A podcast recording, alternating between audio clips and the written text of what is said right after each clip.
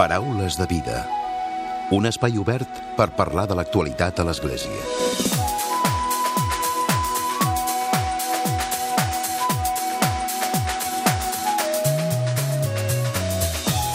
Què tal? Salutacions i molt bon dia. Estem a punt d'iniciar una nova temporada del Paraules de Vida. En primer lloc, gràcies, com sempre, per acompanyar-nos per ser-hi a l'altre costat.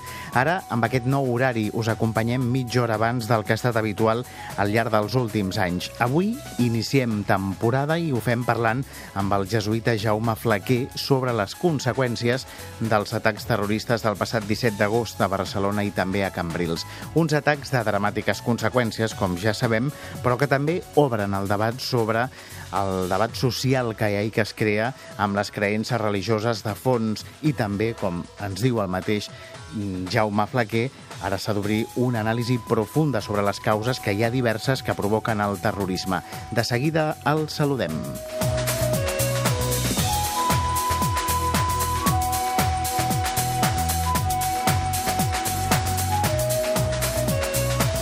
I després de la conversa que tindrem amb en Jaume Flaquer arribarà el primer comentari de l'actualitat de Francesc Romeu d'aquesta temporada, avui analitzant també, en aquest cas, la resposta ciutadana dels atacs terroristes de Barcelona i Cambrils. Comencem. Comencem.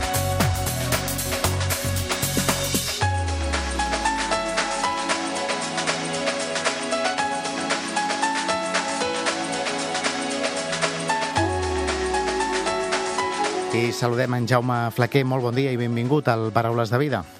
Sí, hola, molt bon dia. En aquest primer programa de la temporada i ho fem parlant, com dèiem ara mateix, a la nostra portada d'aquests atacs terroristes del passat 17 d'agost a Barcelona i a Cambrils, amb unes conseqüències i a les que també sempre s'acaba parlant de la religió. És així, oi, Jaume? Sí, sí, certament, clar. Lògicament, eh, quan es produeixen uns atemptats terroristes on s'enarbola i es donen causes religioses eh, o justificacions religioses com, com donen els terroristes. Lògicament, el plantejament de la religió i com es viu una religió doncs, és, és evident. Sí. Uh -huh. Com ara dèiem, justificació religiosa. Per què hi ha sempre aquesta justificació religiosa quan parlem de determinats atacs terroristes? Eh, bé, sempre. A veure, el, eh, és, si de cas és el terrorisme del segle XXI, eh, que està prenent eh, justificació religiosa, però els terrorismes del, del segle XX bàsicament han estat terrorismes laics.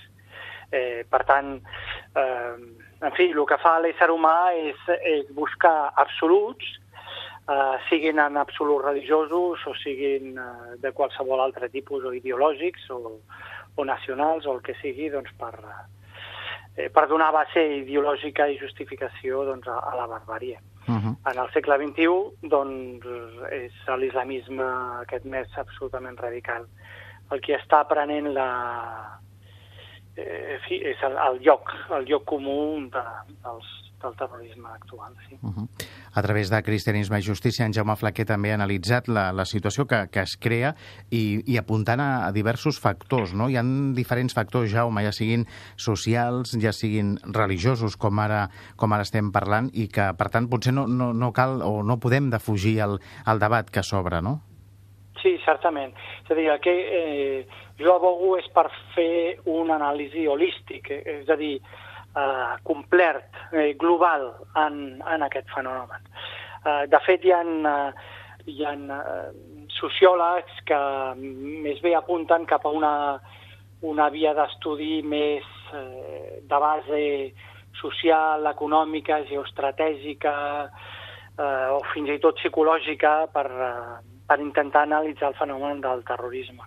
En canvi, d'altres eh, eh, investigadors doncs, apunten a les causes religioses eh, i per tant doncs, veuen doncs, que la solució estaria doncs, en un islam que hauria de, de reformar-se ell mateix. No? Mm, bé, segons si estem en el primer nucli d'investigadors o bé en el segon, eh, les vies de, fi, de solució, o almenys de, de pal·liar el problema, serien diverses. La primera, doncs, eh, ens parlaria d'incidir especialment en la qüestió de l'autocrítica occidental, en la seva política exterior, en tot el tema de l'armamentisme, en, eh, eh, eh, també amb les, eh, amb les polítiques socials i d'acollida dels països occidentals, etc. No?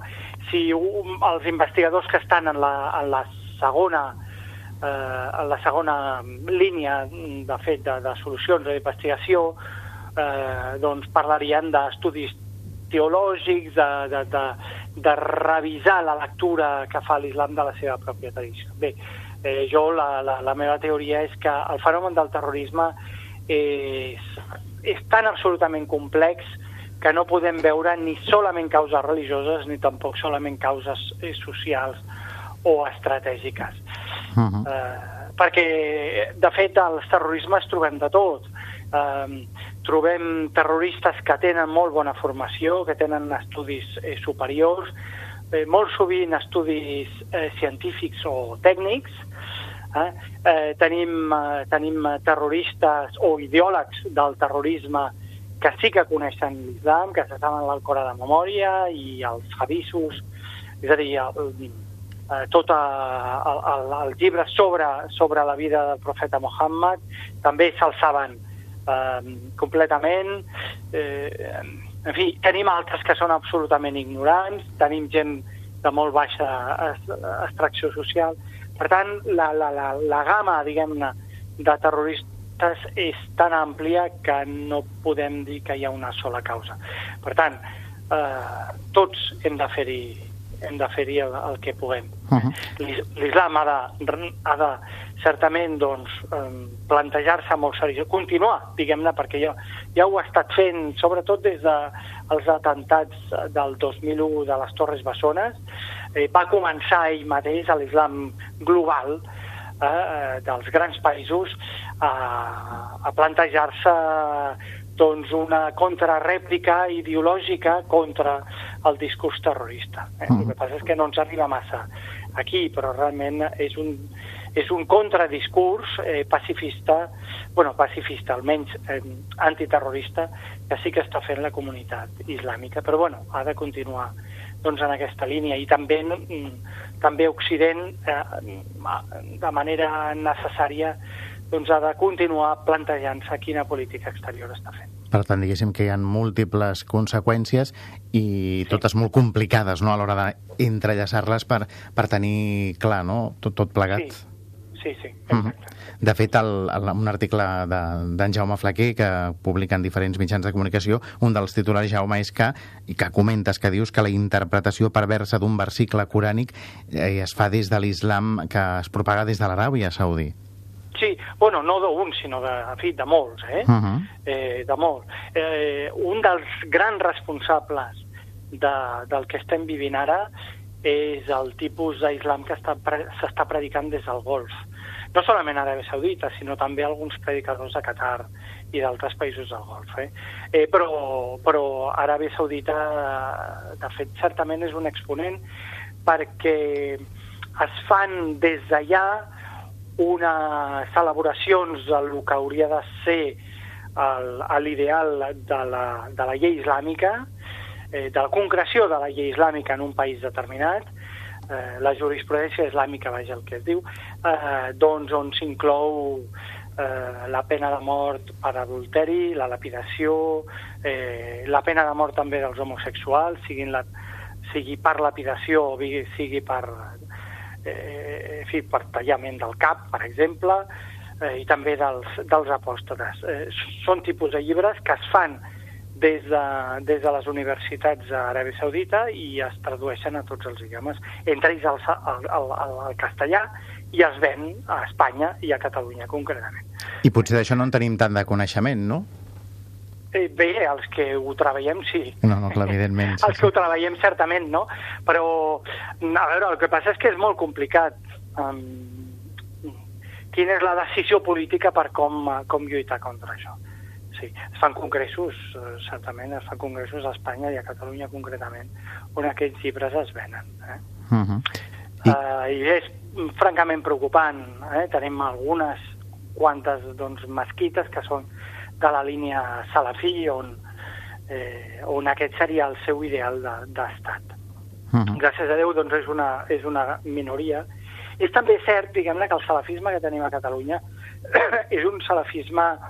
Eh, ja el salafisme és molt minoritari, però el salafisme català és un salafisme que ve a ser apolític i també antiterrorista, de fet, eh? es manifesta doncs, contra el terrorisme. És una espècie de d'estructura religiosa troglodítica, que podem dir, però, però que no s'hi fica en, en qüestions polítiques ni tampoc en qüestions terroristes. El que passa és que eh, amb aquest plantejament d'estructuració de, de, jurídica ideal, eh, lògicament crea violència.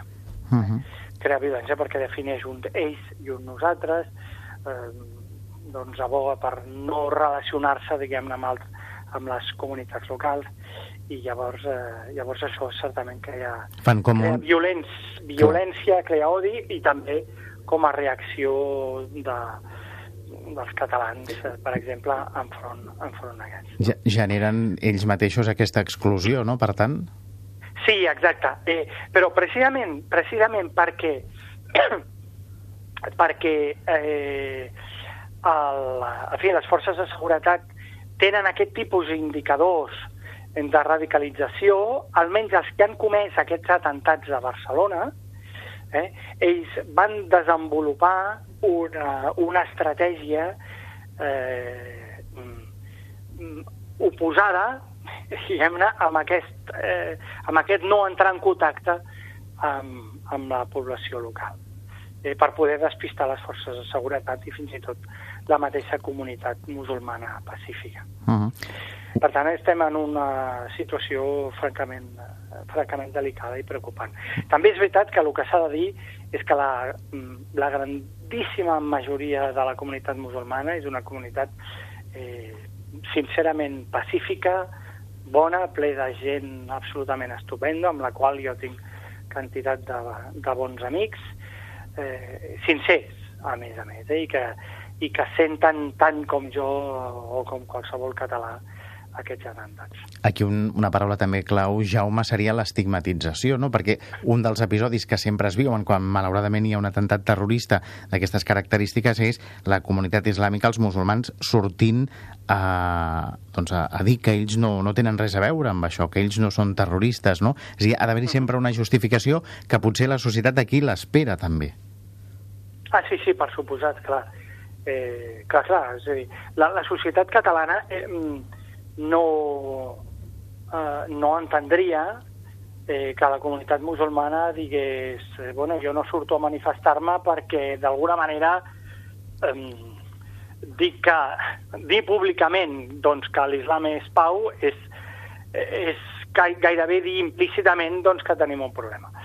Eh, però bé, la societat catalana no entendria eh, que a vegades la comunitat musulmana es pugui manifestar eh, en contra, eh, per exemple, doncs, a les caricatures de Mohammed doncs, a París, o sigui, doncs, amb altres diaris europeus, eh, i en canvi no es manifestés també en contra d'això. Eh. Jo, lògicament, doncs, eh, si fos musulmà, eh, estaria conjuntament amb musulmans eh, profundament preocupat eh, e indignat de que el nom de la meva religió s'utilitzi eh, d'aquesta manera tan perversa eh, igualment com ho estic quan, en fi, quan el cristianisme, eh, eh, en nom del cristianisme es fan també barbaritats. Uh -huh. sí, sí. De fet, ara parla... O, o gent cristiana concretament, o capellans i tal, que fan mil i un escàndols eh, i que allunya la gent doncs, el cristianisme, doncs igual, doncs de la mateixa manera, també jo si fos musulmà, doncs, una persona doncs, que dient aquella frase més sagrada que és Allah Akbar, que és Déu és més gran, eh, eh, o el més gran, doncs s'utilitzi precisament per cometre un atemptat. Uh -huh. I com comentes també no, en aquesta reflexió, a la política internacional, no? l'acció internacional, sobretot en determinats països, amb invas invasions vàries, que això el que fa és precisament doncs, és el, el, el caldo de cultiu de tot això, no? Sí, sí, això és, una, és un element afegit. O sigui, la, la, la comunitat... No, no és que les invasions occidentals hagin creat eh, pròpiament el, el, el, la ideologia terrorista, perquè, perquè de fet quan, quan eh, Occident, Estats Units especialment, intervé en Afganistan, ja es troba ja un tipus d'ideologia dels talibans eh, doncs profundament radical. El que passa és que li dona armes eh, i li ensenya doncs, a, a, a lluitar contra, contra, el, contra la Unió Soviètica. Bé, llavors eh, s'ajunta una ideologia radical conjuntament amb unes armes eh, occidentals. I és allà on acaba pastant-se al Caire.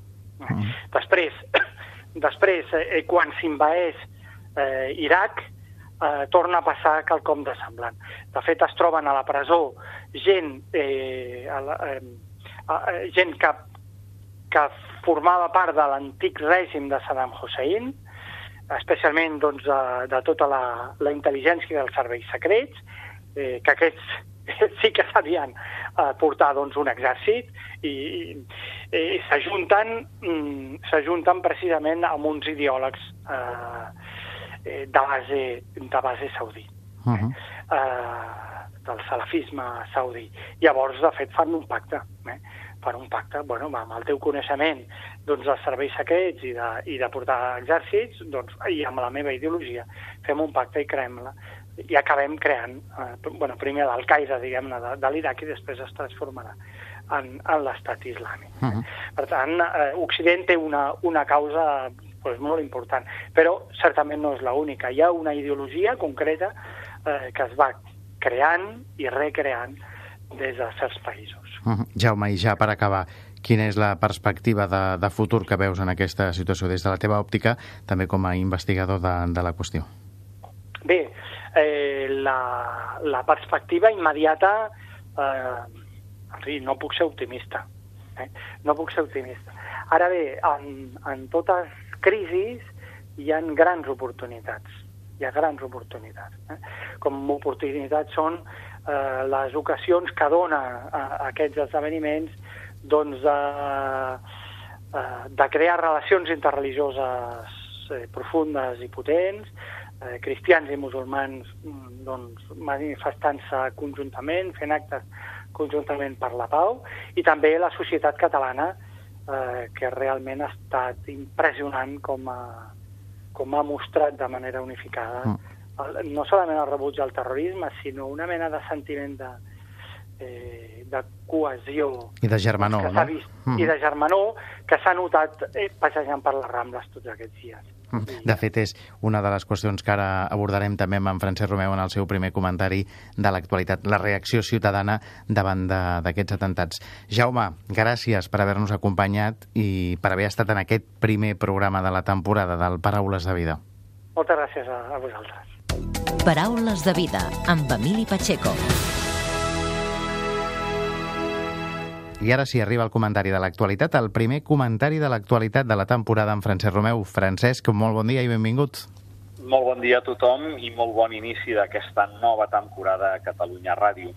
Comencem el mes de setembre i deixem al darrere un mes d'agost que marcarà per sempre la nostra història, tristament, per les 16 víctimes mortals dels atentats terroristes del passat dijous 17 d'agost, tant a les Rambles de Barcelona com a Cambrils, però també ha deixat perplexes a d'altres poblacions, com Alcanar o Ripoll o Sant Sadurní de Noia o tot Catalunya.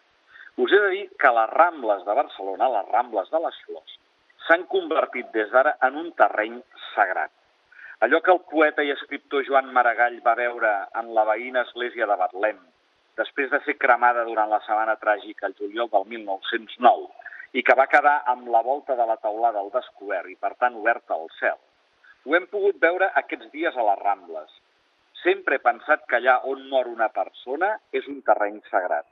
Ho penso sempre que veig els rams de flors als vorals de les carreteres en memòria d'alguna víctima d'accident.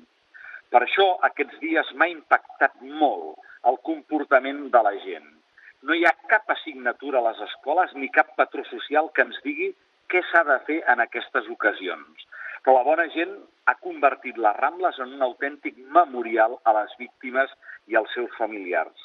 No s'ha seguit cap patró religiós, però a les Rambles hi havia un silenci molt especial que traspassava la pell i arribava al moll dels ossos. Hi havia més llànties enceses que qualsevol església de la ciutat, i més que Montserrat. La gent hi deixava flors, escrits, objectes, joguines, peluixos. Hi havia gent recollida, agenollada, resant. Tothom trepitjava una terra sagrada i en qualsevol racó es podia muntar un altar, signe sagrat de tantíssimes mostres de dol, sorgides per generació espontània, com la mateixa onada de solidaritat que va portar a molts barcelonins a donar sang als hospitals, a taxistes a treballar de franc o a acollir i acompanyar turistes. El crit unànime aquests dies ha estat no tinc por. Un crit sorgit espontàniament de la gent que, com indiquen alguns psicòlegs, simplement és una frase de sugestió. És a dir, que ho diem perquè hem tingut i tenim molta por.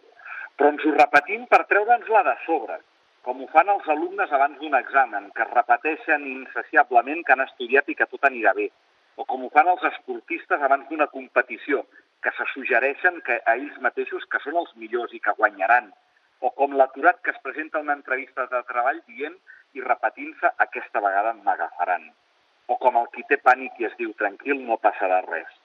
Nosaltres aquests dies hem tingut por, molta por, tenim por al terrorisme, tenim por al fanatisme, tenim por a perdre la bona convivència que teníem amb tothom. Tenim por a l'islamofòbia que ens pugui sorgir. Tenim por i volem treballar per la pau i la bona convivència. Però per sort nostra, aquests dies hem pogut veure com tot a poc a poc s'anava reconstruint. Contra l'islamofòbia, que parlàvem ara, jo crec que ha ajudat molt la imatge entranyable de l'abraçada del pare del petit Xavi, el nen de 3 anys que va morir atropellat a les Rambles, consolant a l'imam de la mesquita de Rubí, mentre aquest plorava desconsoladament. O el testimoni de la àcida Ukabir, germana de dos dels presumptes terroristes de Ripoll, que en l'acte públic que es va celebrar en aquesta població cridava no al terrorisme, no a la violència i sí a la pau. El dolor és comú, tots hem plorat. La incomprensió pel que ha succeït és la mateixa. Hem de treballar junts perquè no torni a passar mai més. A tot això encara s'ha d'afegir la condemna total i rotunda de gairebé totes les comunitats islàmiques que hi ha a Catalunya. Tots hem volgut deixar ben clar que l'islam no és de cap de les maneres l'arrel del problema. Per això, també hem après moltes coses aquests dies que ens han fet canviar els nostres prejudicis a les nostres evidències. Ha quedat ben clar que els processos de captació i de radicalització jihadista ja no són com ens pensàvem.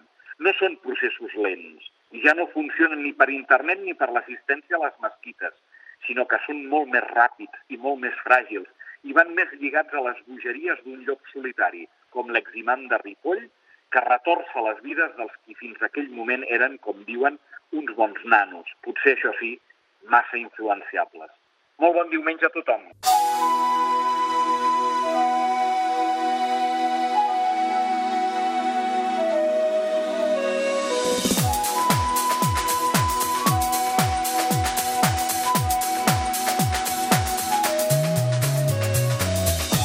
El comentari de l'actualitat de Francesc Romeu posem punt i final al primer Paraules de Vida de la temporada d'aquest diumenge 3 de setembre. Recordeu que aquests i altres continguts els compartim també a les xarxes socials, al Facebook i al Twitter del Paraules de Vida.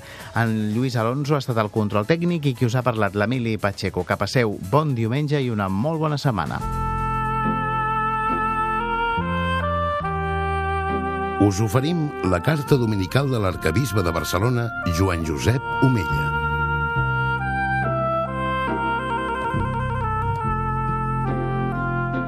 Déu vos guard. Sant Agustí, africà de naixement i romà de cultura, era un orfebre de la llengua i té el secret de les formulacions breus i categòriques – ell, que va ser primer prevere i després bisbe d'Hipona a partir del 397 i fins a la seva mort, l'any 430, parlant de la missió dels bisbes, escriu aquesta bellíssima sentència. Pasturar és un ofici d'amor. He recordat aquest pensament agustinià davant la propera ordenació dels dos nous bisbes auxiliars, el proper dissabte 9 de setembre, a la Basílica de la Sagrada Família. El bisbe és, sobretot, un servidor de les comunitats cristianes del poble de Déu que té encomanat. Els nous bisbes auxiliars expressen molt bé aquesta voluntat de servei en els lemes que han escollit i que són com un propòsit davant el servei pastoral que inicien. El del bisbe Sergi diu «Serviu al Senyor amb alegria» i el del bisbe Antoni exhorta viviu sempre contents en el Senyor. I Sant Ignasi d'Antioquia, un gran defensor de la missió dels bisbes en la primitiva església, escriu als cristians de la ciutat d'Esmirna Seguiu tots el bisbe com Jesucrist segueix el pare i el presbiteri com els apòstols. Pel que fa als diaques, respecteu-los com la llei de Déu, que ningú no faci res sense el bisbe en tot el que pertany a l'Església. Per donar compliment a aquesta missió del bisbe, la funció d'aquest, sobretot en les diòcesis més grans, demana molta dedicació i esforç. Per això, una vegada més, em plau expressar el meu agraïment a Déu perquè, des del primer moment del meu servei episcopal a Barcelona, he pogut comptar amb la fraternal i valuosa col·laboració del bisbe auxiliar Sebastià Taltabull. Darrerament, com sabeu, aquest ha de compartir el seu temps entre Barcelona i Mallorca, amb un esforç que desitjo valorar com es mereix i agrair-li de tot cor. També he tingut ocasió d'agrair al Sant Pare que m'hagi concedit l'ajut de dos nous bisbes auxiliars, Sergi Gordo Rodríguez i Antoni Badell Ferrer. Ara portarem el bàlcul del Ministeri Episcopal entre quatre. Són dos nous bisbes joves que com a preveres han fet una molt bona feina pastoral a Barcelona i a Mallorca, respectivament i que estan disposats a lliurar-se a l'ofici de fer de bisbe amb el mateix esperit que el que el va definir Sant Agustí, com un ofici d'amor a Déu i als seus germans i germanes en la fe. Tots dos tenen una bona experiència de treball amb els laics a les parròquies i els moviments de formació cristiana i de presència i testimoni en el món d'avui. Són sacerdots d'acció, amb inquietud renovadora i amb un bon bagatge intel·lectual. Aquest és, per tant, un moment de joia i d'esperança per a la nostra església local. Per això, us convido a participar en la celebració del proper dissabte a la Basílica de la Sagrada Família. Vulgueu unir-vos espiritualment a la nostra acció de gràcies a Déu pel seu do d'aquests dos nous bisbes que són garantia de continuïtat del ministeri apostòlic a l'Església de Jesucrist i a la nostra església particular de Barcelona. Benvolguts germans, que Déu us beneeixi a tots. Cardenal Joan Josep Omella, arcabisbe de Barcelona. Us hem ofert la carta dominical de l'arcabisbe de Barcelona, Joan Josep Omella.